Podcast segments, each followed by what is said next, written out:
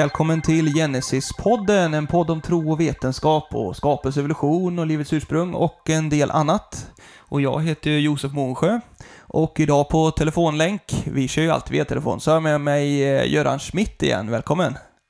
Tack, tack. Det är ju, jag vet inte om alla har koll på det, men vi, vi ses ju inte så ofta Göran, utan det är ju på telefon som vi kör detta.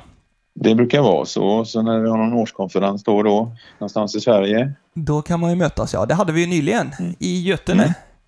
Precis. Det var, ehm, det var en riktigt festlig tillställning. Fast det var inte så många där för vi kunde ju inte ha fler än max 50 i huset. Så att det, det blev en webbhistoria det mesta utav det istället. Och tv och radio och sådär. Så så, men det gjorde ju att det faktiskt, jag tror att vi nådde fler eh, lyssnare än vad vi skulle gjort annars. Det, ja, Precis, och då finns ju materialet ute nu också, eller hur? Visst är det så? Ja, men det gör det. Och det kommer, att, det kommer dels så sänds det ju då på ett antal kristna eh, tv-kanaler. Vi ser om jag kommer ihåg dem, det får hjälpas åt där. Men det är TBN då, och Himlen TV7. TBN Nordic, precis. Ja, Himlen TV7 och Kanal 10 tror jag också har vårt ja, material. Ja, det var de tre. Och sen så ligger det på Genesis webbsida då, genesis.nu. Eh, där kommer det ut efterhand. Jag tror det ligger just nu. Så, ja, det, är en, det är en handfull eh, eh, föredrag som ligger där. Men alla kommer ju att vara där inom loppet av några veckor. Så att, eh, eller dagar kanske rent av. Så att då kan man gå in och lyssna i efterskott på alla föredrag hur många gånger som helst. Precis, så Genesis.nu... Vissa är ganska späckade så att då, oh. då, kan det vara en poäng att man faktiskt kan pausa då och då och backa lite och så. Mm. Just det, och Genesis.nu är det man går in på då, eller också på YouTube så finns det, kan man söka på Genesis Sverige, så har vi en eh, YouTube-kanal också där, där de läggs upp. Så uh, lyssna gärna på det, vi kommer säkert referera till uh, vissa av avsnitten också här framöver. Yeah. Men idag då Göran, så vi har ju haft, eh, nu hade vi ett litet insticksavsnitt förra gången med lite lyssnarfrågor med Anders Gärdeborn, men annars har vi haft en uppstart under hösten här kring lite grundläggande bitar eh, och eh, framförallt evolutionskritik på några områden har vi pratat om än så länge. Men idag då så har vi tänkt att vi kan lägga lite fokus på vad är det för alternativ som vi presenterar Eh, för det är givetvis intressant för den som lyssnar. Vad, har de bara massa kritik att säga de här liksom? Eller har de något eh, alternativ? Eh, och eh, vi benämner ju det skapelsetro eh, generellt, eller hur? Det är begreppet. Ja, det är väl smidigast att säga så. Det finns ju naturligtvis olika skapelsesyner bland kristna så och, och där eh, där man så att säga förlitar sig mer eller mindre på evolutionen. Och vi, vi är ju inom genus är vi ju kritiska till evolutionen av naturvetenskapliga skäl. Och det, och det gör ju att vår skapelsesyn skiljer sig lite grann från de som tror att Gud skapar genom evolution. Men det kommer ju att framgå. Precis, och, och det är givetvis så att, att man, man liksom kan inte bara lägga bort Bibeln i detta heller, utan vi eh, ser givetvis på Bibeln också då och ser att här finns det spännande saker som kan passa in ihop med naturvetenskapen. Ja, ja, absolut. Jag menar, det är ju, Bibeln handlar till stor del om ögonvittnesskildringar, inte till skapelsen. Alltså det fanns ju inga mänskliga vittnen till själva skapelsen då, men till senare skeenden som syndafloden till exempel så är det ju det där är ju dokumentationer som människor har gjort av eh, vad som faktiskt skedde då. Men sen har vi ju Guds eget vittnesbörd eh, som vi tror på. Då. Vi, vi tror ju på en, en, bibel som är trovärdig från första kapitlet till det sista. Och då, eh, då är det... Och den eh, så att säga, övertygelsen är ju någonting som inte är hämtad ur tomma luften. Den är ju hämtad utifrån vår erfarenhet av att Bibeln stämmer, att, att Bibeln är ett dokument som är värt att lita på eh, då, i livets alla skeenden på något sätt. Så att, så att vi, man kan väl säga att, att vårt förtroende för Bibeln gör att vi även betraktar skapelseberättelsen som eh, faktiska händelser. Därför att vi är så övertygade om att Bibeln är trovärdig. Och i, i, första Mosebok då så kan vi ju läsa om att Gud skapade himmel och jord. Och så gjorde han detta i ett antal olika steg. Eh, mm. Och eh, vad, vad liksom, eh, hur hänger den här skapelseberättelsen ihop med det vi ser i, i naturen då? Alltså om det inte är genom evolution som det har skett? Ja, alltså vissa saker eh, som man kan se i naturen är sånt som eh, stämmer överens både med eh, en evolutionär syn och en eh, så att säga, icke-evolutionär syn. Eh, det, det, kanske låter konstigt men, men det kommer att framgå tydligare lite grann efterhand. Sådär. Men eh, till exempel det faktum att eh, Bibeln talar ju om att det finns en gud. Det finns bara en gud och han skapade världen. Eh, Bibeln säger att Gud, den enda guden, skapade den här världen genom sin son Jesus Kristus då, som han är känd för i egenskap av i, i vår tid. Då. Eh, men, eh, men det är ju inte självklart. Det finns ju många religioner så att säga som, som eh, där det handlar om många gudar som kämpade och som skapade ur kaos och allt detta. Va? Men, men, men när vi tittar på naturen så kan vi se, som biolog kan man ju säga så här att jag menar, allt liv, alla jordens livsformer vittnar om en och samma skapare.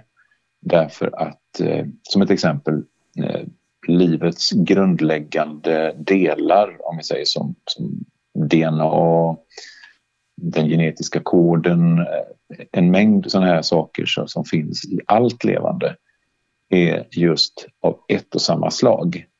Eh, hade, livet till exempel varit ett resultat av att många gudar hade kämpat och bidragit med sina respektive, då finns det ingen skäl att vi skulle förvänta oss att, den här världen funkade enligt samma, alltså, samma princip hela tiden, alltså att det finns genomgående drag. Det, det är en sån sak som även evolutionen liksom säger så här att ja, vi förväntar oss att allt levande är släkt med vartannat för det finns DNA. Så att, på det sättet kan man inte särskilja då eh, en, en tro på evolutionen från skapelsen. Men vi kan konstatera att Bibeln säger också, eller utifrån Bibeln förväntar vi oss också att se det vi faktiskt ser. Nämligen att vi har som ett enda fingeravtryck, ett och samma fingeravtryck på allt liv. Eh, ja. Just det. Så att det finns en gud, den ja, kan man slå fast med, med, både med och utan Bibeln så att säga. Precis. Och, och, det är klart, där så är vi inne på detta med att många evolutionister kanske säger då att ja, men det finns så många gener och, och DNA är så likt liksom och det måste ju tyda på att det är en, ett gemensamt ursprung. Ja, och det är det ju då, därför att det finns en, det finns en och samma Gud bakom allt. Så, att, så att utifrån ett bibliskt perspektiv förväntar vi oss likheter mellan alla livsformer av många olika skäl. Vi förväntar oss det därför att om en värld, en levande värld ska fungera tillsammans med alla olika typer av organismer som finns, alltså bakterier och människor, djur, växter, då måste deras ämnesomsättningar var synkroniserade med varandra och koordinerade med varandra eh, och stämma överens som hand i handske och det gör de också. Eh, så att likheter i skapelsen, mönster av likheter är inte bara förväntade utifrån evolutionsperspektivet utan även utifrån ett perspektiv där Gud skapar medvetet aktivt varje livsform för sig. Just det, så det blir någon form av direkt skapelse. Men, men vilka djur och växter skapade Gud färdiga i så fall från början? Var det både ja. liksom... Ja. Eh, mm, det, det, nej, men det är väldigt intressant därför att det här är en sån där sak som eh, må, många menar ju då att skapelsetrående eh, förkastar allt som har med evolution att göra liksom, och, och, bara menar att Gud skapade varje art precis som den har varit. Och det är ett argument som ofta används mot oss att vi skulle tänka på det sättet, vilket vi aldrig har gjort. Jag har följt liksom skapelsetrorörelsen kan man säga under hela mitt liv nästan och kan ju direkt säga att vi aldrig påstått något sånt. Utan vad vi har sagt och säger fortfarande det är att när vi läser det första kapitlet i Första Mosebok så står det gång på gång på gång så står det så här Gud skapade de olika växterna, de olika djuren efter deras slag eller efter deras grundarter skulle man kunna översätta det, eller grundtyper. Då. Alltså skapade slag som är avgränsade från varandra. Det var så Gud skapade livsformerna på jorden.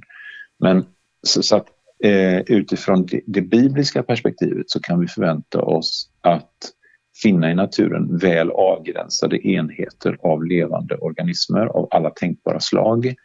Men vi kan också förvänta oss att hitta en förmåga till variation och anpassning inom varje art. Därför att varje sån här grundart skapades med syfte att fortplanta sig och eh, sprida sig ut över jorden i olika miljöer, olika sammanhang och, och, och därför måste en organism, för att klara det så måste en organism vara anpassningsbar. Så vi tror och hävdar alltså att, att Gud skapade eh, mekanismer i levande varelser för att Eh, skapa mångfald och eh, att kunna på något sätt läsa sin miljö och anpassa sig till olika miljöer. Och det är också någonting som vi inom naturvetenskapen ser. De bara sista decenniet har vi börjat upptäcka mer och mer av den typen av mekanismer. Så ja, men, Men vad, vad, finns det för ja. olika exempel på det då? Om man, alltså hundar till exempel då, eller vad kan det vara? Eh, rävar, vargar? Ja, alltså när, när det gäller just mångfald så är ju, det är ju typexempel. Alltså alla, alla hundraser vi har, de, eller nästan alla hundraser som finns idag har liksom tillkommit under de sista ja, men, 200 åren någonting. Genom mänsklig, mänskligt urval då. Eh, så, så att, eh, om man tänker hur, vilken enorm skillnad det är mellan en chihuahua och en irländsk varghund och allting däremellan. Om man ser den enorma mångfalden som finns inom hundarten, för det, det är ju faktiskt en enda art, eh, där även vargen ingår då så att säga. Och alla hunddjur generellt ingår i en, en den familjen där. I, i, i, där finns en enorm variation. Och den och det vet vi ju, alltså det är ingenting vi tror, utan det vet vi ju att, att alla de här hundraserna kommer från en urvarg sannolikt då. Eh, eftersom jag menar, hundar och vargar hybridiserar med varandra och får ungar och, som är fertila och får ungar i sin tur och så. Så, så där har vi, när man bara tänker på hundfamiljen, hur, hur, vilken enorm variation det finns, så, så kan man se lite grann den potentialen som låg i varje enskild skapad grund art. Eh, då. Alltså den, den potentialen finns, fanns där redan då och finns där till en viss del även idag. Då. Eh, och du menar ja. att det, det, här är alltså vattentäta skott då till andra sådana här uh, urtyper? Ja, till, alltså kattdjur till, andra, till exempel ja. då, eller vad, vad Nej, men precis. precis. Det, det är jättespännande att, att titta på hur, hur uh, just uh, variationen in, in, inom kattdjur, det liksom motsvarar på ett ungefär den variationen som finns inom hundfamiljen då. Där, där det är inte bara tigrar och lejon som kan hybridisera utan eh, tigrar och eh, pumor kan hybridisera och pumor och eh, ocelott i Sydamerikas regnskogar och den kan i sin tur hybridisera med, med tamkatten. Så att hela, även den är, är då eh, en, ett sånt där, en, en, kategori då som är skapad för sig, katt, urkattdjuret då. Men däremot hund och katt, det hör man ju på uttrycket. Det blir liksom inga, ingen avkomma. Så, så, att, så att det, det, finns, alltså det är ingen tvekan om att det finns de här gränserna som Bibeln talar om borde finnas. De, de ser vi också i naturen. Eh, och de är så tydliga många gånger. De är så tydliga många gånger så att ett barn kan se det. Skulle du säga att de kunna... finns i, på alla områden i, alltså bland levande djur då? Ja, men samtidigt är det svårt ibland att avgöra exakt var gick den där gränsen mellan de ursprungliga grundtyperna. Alltså det, det, för att ta reda på det så, så eh, då behöver man göra helt enkelt hybridiseringsförsök. Det är ett sätt att, att få en, ett grepp om det. Inte hundraprocentigt, men man kan få en hum om det genom att testa om olika arter kan hybridisera med varandra. Eh, och då finns det liksom eh, inom all, alla alltså ryggradsdjur finns det, finns det mycket data om sånt. Och då kan man, ur, ur de data kan man då se Eh, Eh, ett mönster på de här gränserna. Och, och de här gränserna är intressant, det är inte bara nu levande varelser utan det, det, är samma sak som vi kan se i fossilen heller. In, inte heller i fossilen kan vi hitta något hund, katt, djur på något sätt utan eh, de här, de här mönstren vi ser i levande världen finns också i fossilens värld. Just det, och vi ska prata om fossil ska vi göra i något avsnitt här framöver sen också. Men eh, precis, så det är både i den levande världen och i bland fossilen så här är det också tydligt. Men eh, men alltså om man tar fåglar då till exempel. Du menar ju då alltså att man kan inte alla fåglar går inte att para med varandra i någon liksom eh, kedja från en till en annan, utan det är tydliga gränser även bland fåglar till exempel.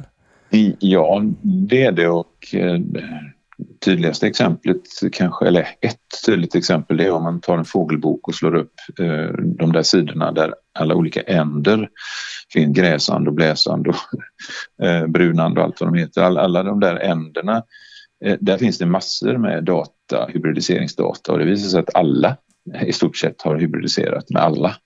Eh, att det finns dokumentationer. Och, eh, så att, eh, men inte bara inom änderna utan Yes eh, är också eh, möjliga att hybridisera. Det finns också exempel på hybrid, hybrider mellan Yes och änder.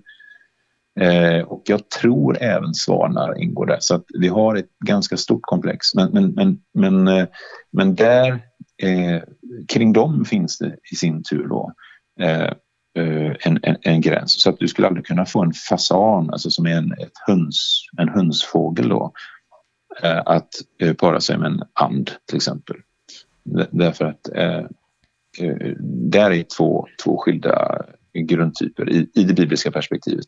Sen kan man ju fördjupa de här analyserna och, och, och gå och titta på, på DNA helt enkelt och, och jämförelser. Men då, då blir det lite svårare att eh, dra slutsatser eh, som, som, är, som är säkra. Alltså hybridisering är väldigt uppenbart eh, om det finns eh, ja, på det sättet. Men en, en, evolutionist skulle ju kanske svara så här då att nej men hönsfåglarna det, det är för länge sedan de liksom gick i en ja. annan riktning. Än, precis, precis. Och så har det blivit, över tid blivit större skillnader och till slut så är de så stora så att de inte kan hybridisera.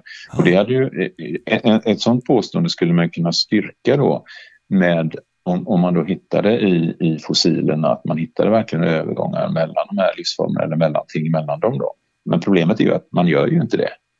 Eh, det är ju, det är ju eh, ett, ett eh, alltså fossil, det kommer vi att prata om vid senare tillfällen, men jag menar fossilen vittnar ju verkligen om att de här gränserna mellan livsformerna är ett det är ett kännetecken på fossilen.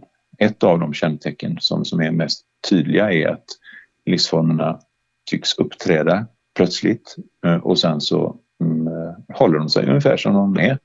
Och sen antingen försvinner de eller så lever de kvar in i våra dagar. Så att den där att, att de inte kallas för stasis, det vill säga att de förblir de organismer som de uppstod som, förblir de också under sin tid på jorden. Så att, eh, men hade man kunnat hitta dem, det hade ju kunnat stödja det evolutionära synsättet då att eh, även hönsfåglar och änder eh, skulle vara besläktade med någon urform då. Men det hittar man inte. Så, och, och eh, fram till dess så, så är evidensen mer till stöd för Bibelns eh, syn än för evolutionen. På område efter område.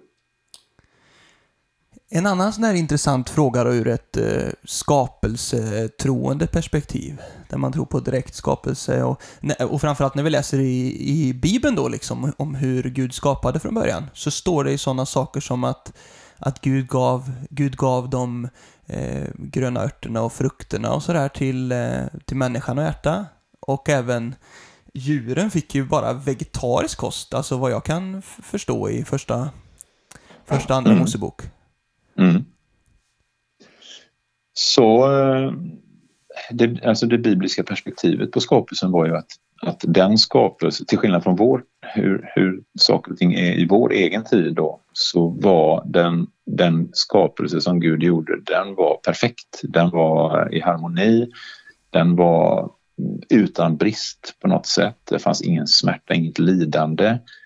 Eh, och eh, och, och, det kommer till uttryck just i de verserna som talar om det, att Gud gav Eh, de gröna örterna och all trädfrukt till människan och alla gröna örter till alla djur. Då. Ett veganskt, eh, en vegansk period i jordens historia var det som Gud skapade en gång. Eh, och det, det, är klart, som, som biolog kan man tycka att det är väl självklart att det finns rovdjur och eh, när, långa näringskedjor där den ena äter den andra som äts av ytterligare en och så vidare. Men, eh, men det, det, här är den evolutionära synen och den bibliska synen är två olika sätt att betrakta vår historia på. Eh, och det är två olika, helt, helt olika utgångspunkter där evolutionismen har eh, Eh, den har naturalismen som utgångspunkt, det vill säga den hävdar att livet uppstod av sig själv, av en tillfällighet och sen så utvecklades det helt planlöst och så vidare. Va? Och där är då död och smärta och lidande en genomgående tråd som, som, som till och med är en mekanism. Medan det bibliska perspektivet handlar om en, en alltigenom god värld där det bara fanns korta näringskedjor, det vill säga det fanns bara växtätare eh, på den första tiden. Bibeln talar om att, och det där vet vi nu det, det vet, utifrån som bibeltroende kan vi nu säga att ja men så är världen inte idag. Nej, det är den inte idag. Men den har varit det och den kommer en dag att bli det. Men det känns, ju, som, det känns ja. ju ganska knäppt Göran att tänka att ett lejon liksom bara käkade grönt. Eller en, eller en eh, Tyrannosaurus rex eller någonting då. Är det verkligen, är det mm. rimligt mm. att... Eh... Ja, men alltså det, det, det finns, eh, det finns exempel på, på hur även du tog lejon som exempel. Det, det, finns, googlar man runt lite grann kommer man hitta det. Det finns lejon som, som i fångenskap har vägrat att äta kött sedan de var små. Eh, som, som, som har levt helt vegetariskt och som har utvecklats precis som ett vanligt, eh, vanligt lejon. Så att, och det faktum att det kan hända i enskilda exempel visar att det inte är på något sätt eh, alltså fysiologiskt omöjligt. Sen kan man ju tycka då att eh, ett lejons tänder eller en Tyrannosaurus tänder då skulle mm, verkligen ta, tala om att det handlar om rovdjursanpassningar.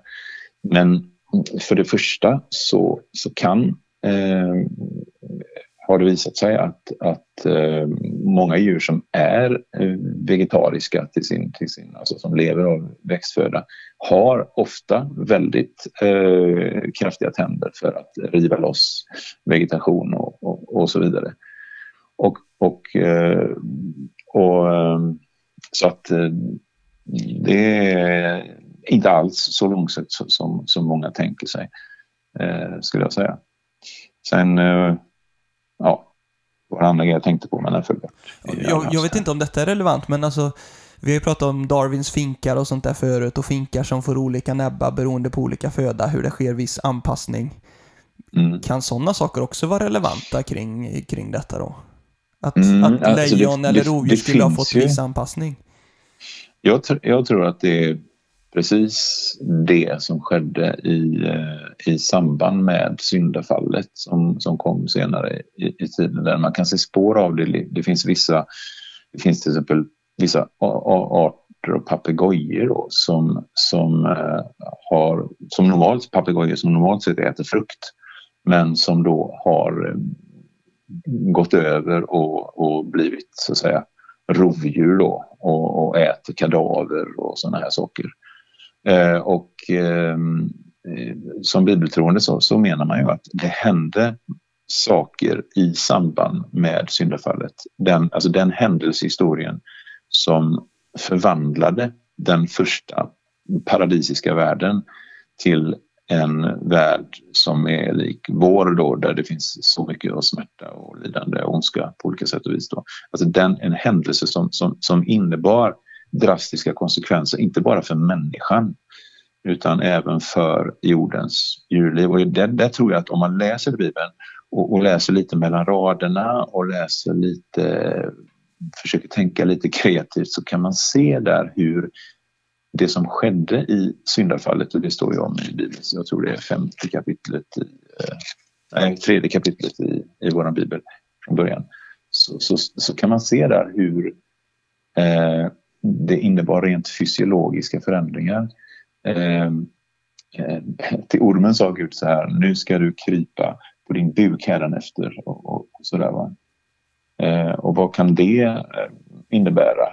Eh, ja, det måste ha inneburit att, att ormen, åtminstone någon specifik art av orm, så här från början gick och hade fyra ben.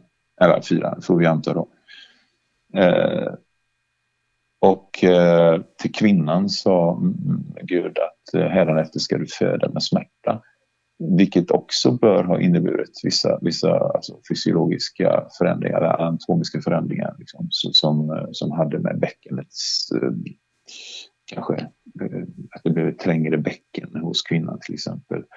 Eh, och, och, till, till och Gud förbannade marken, står det. Den skulle bära tistor och törnen och, och, och, så vidare. Det vill säga törnen eh, och tornar och sådana här bildningar, taggiga bildningar på växter eh, är alltså någonting som är sekundärt i skapelsen det också. Eh, så att, så att det, det, man kan se i den där texten att här hände någonting inte bara med att människan föll synd och att hon blev, alltså döden blev en, en verklighet utan även att det hände saker med övriga skapelsen också. Och den som kan sin bibel vet ju att, läser man till exempel Romarbrevet 8, så talar det eh, väldigt tydligt om att den här världen som är nu är lagd under en förbannelse med, med eh, döden regerar och ställer till det. Men att eh, det tillståndet en dag när Kristus kommer tillbaka skall upphöra och eh, den här världens ekosystem ska återgå till någonting annat. Eh, och läser man i Jesaja, exempel i Jesaja kapitel 11, så kan man läsa samma sak. Den dagen kommer när Kristus kommer tillbaka och när eh, vargar återigen ska beta tillsammans med eh, lamm och, eh, och så vidare. Och kor och björnar ska idissla, äta ihop och, och sånt där. Så, ja, I det bibliska perspektivet så, så är det så här att det här tillståndet som fanns från början ska en gång upprättas igen när syndafallets konsekvenser är helt utplånade. Jag tänker så här, göra lite filosofiskt då. Jag vet inte om man ska säga teologiskt ens för att vi kanske inte har några referenser på det. Men man kan ju fråga sig om, så här, kunde, kunde människan känna smärta från början? Kunde, kunde, ja. men, kunde vi blöda? Kunde vi skada oss? Sådana saker måste ju vara lite relevant. Fast det, vi har inga, inga mm. belägg mm. kanske, eller jag vet inte om det... Nej, det är en jätte, jätte, jätteintressant eh, fråga eh, på många sätt och vis. Eh, man kan fråga sig, är döden, eh, den fanns som en eh, den fanns som en möjlighet redan innan syndafallet såklart eftersom människan kunde sluta att äta och då hade hon ju svält, svält ihjäl. Liksom. Hon skapades som en biologisk varelse. Och eh, vi har ju smärtreceptorer som känner av smärta och sådär. Eh, eh, och, och, det är ju någonting som vi alla har och som är en nödvändighet i, i vår värld. Annars skulle vi ju liksom... Det är ju sånt som... Eh, det finns ju sjukdomstillstånd som gör att vi inte kan känna smärta längre som till exempel eh, vad heter det, lepra. Eh, som gör då att... Eller ja, vad heter det, spetälska då heter det ju förr. Nej, men att, som, som gör att man tappar känseln och då blir man ju väldigt eh, skadad.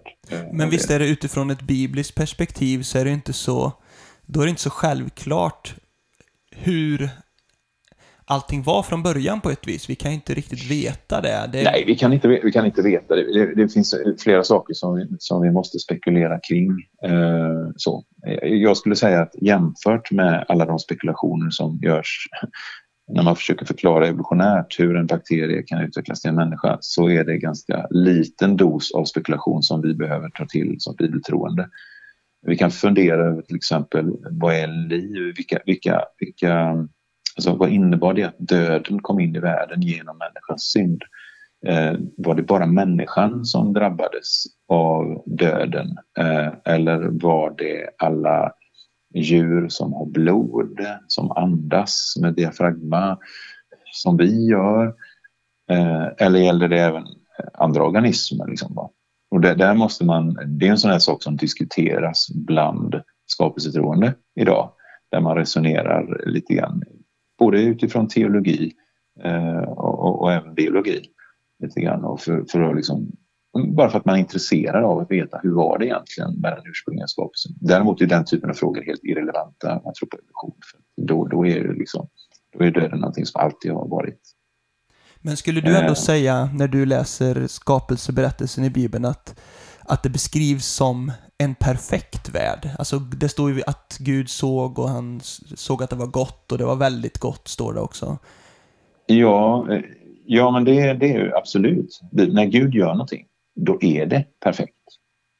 När vi gör saker och ting, då blir det inte perfekt. Då, utan eh, erfarenheten säger att vi förstör snarare då.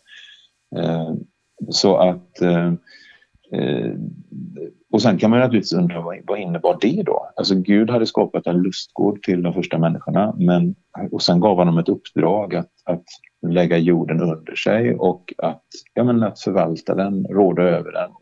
Och skulle jag läsa in då, förvandla hela den här världen till en lustgård då med, med, med, med människor, uppfylla jorden eh, och, och, att man skulle verkligen ha en fantastisk värld och vårda den och förvalta den och arbeta tillsammans med Gud i den. Eh, det, det, det är liksom någonting som är, var, var, det som var tänkt från början och som det kommer att bli tror jag. Det, jag menar, Kristus ska komma tillbaka. Han kommer att upprätta eh, eh, den här världen igen och vi ska få med tror jag.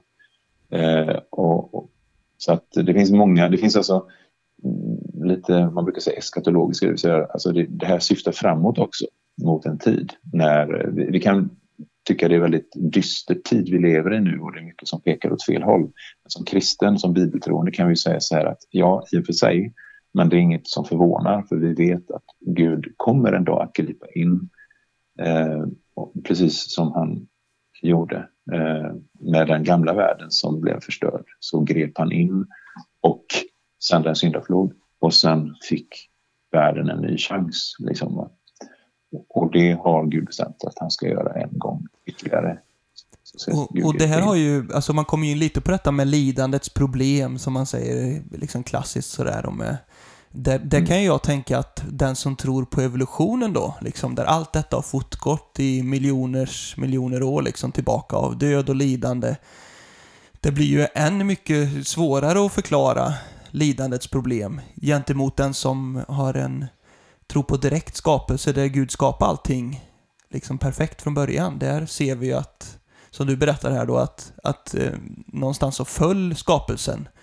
Eh, ja, och att det, mm. det med att förklara en del av liksom allt lidande och, och det vi ser, vi behöver inte lägga det på att Gud skapade det hela så från början. Mm, nej, och, och där, där är det viktigt, tänker jag, för, för många som ser på den nuvarande världen och, och som lever i föreställningen att uh, Gud skapade den sådan, vilket man då gör, måste göra som, så att säga, som kristen evolutionist. Då måste man ju tänka så att ja, men världen har varit så här från början med lidande och död.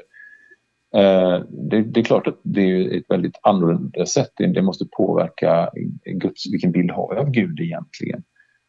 Eh, nu så eh, att ha den här bilden av skapelsen, att det var en, en perfekt, en, en harmonisk värld och att den nuvarande världen är trasig och vi själva är trasiga, både på insidan och utsidan. Så att säga, men Gud är större än så och Gud har, Guds rikes eh, tanken är att eh, det ska återupprättas, det som en gång gick snett. Och, och att Jesus på korset är är liksom den centrala händelsen, det är navet i eh, att det här kommer att ske en gång. Därför att när han dog på korset så, så, så bröts den här eh, makten som döden har eh, ytterst och den kommer att realiseras i dagar som kommer. Så kommer det bli uppenbart eh, vad Jesus gjorde på korset.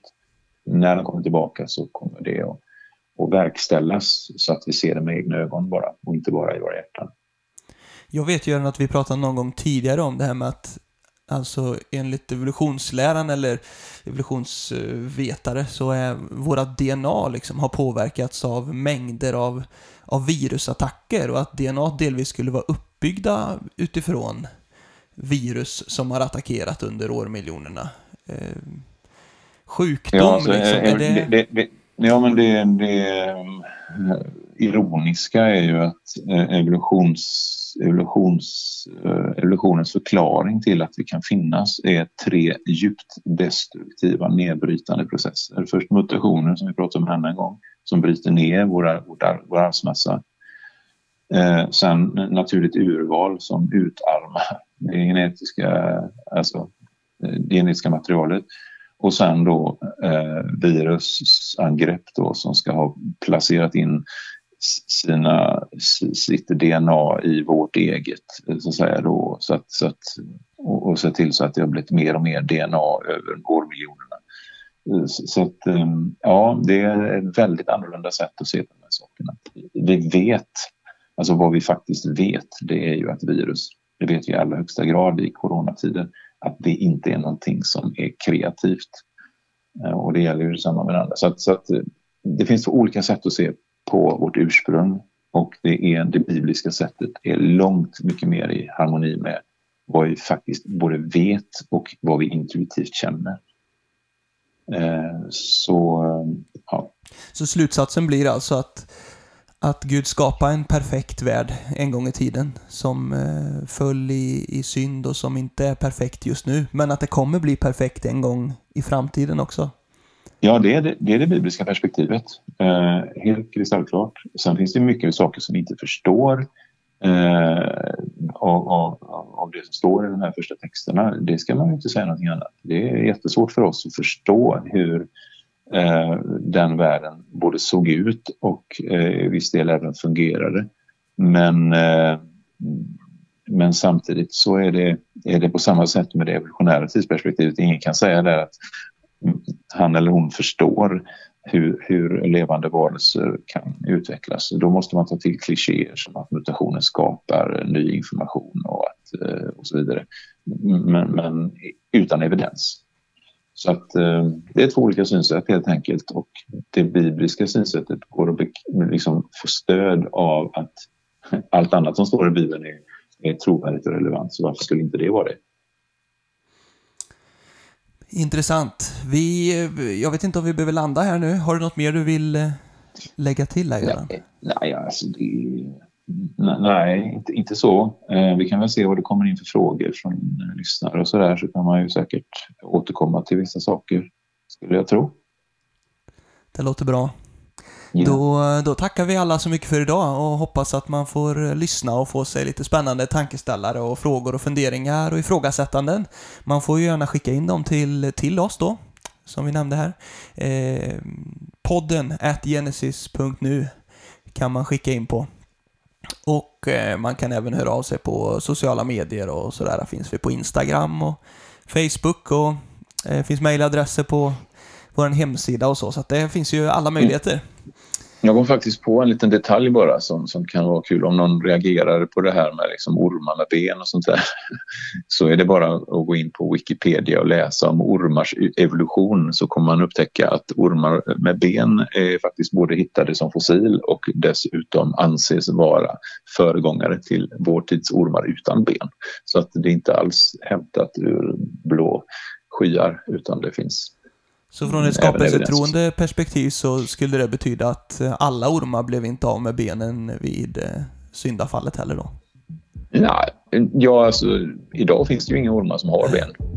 Det men, i, men i fossilregistret finns det det?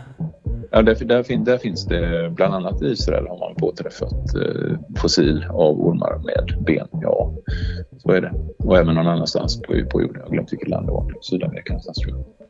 Så att en gång fanns de. Eh, ja. Någon gång. Precis, ja. där fick ni en extra detalj. Så ja. Eh, får vi tacka för idag. Tack så mycket Göran. Mm, tack själv. Ha det bra allihopa. Hej då på er.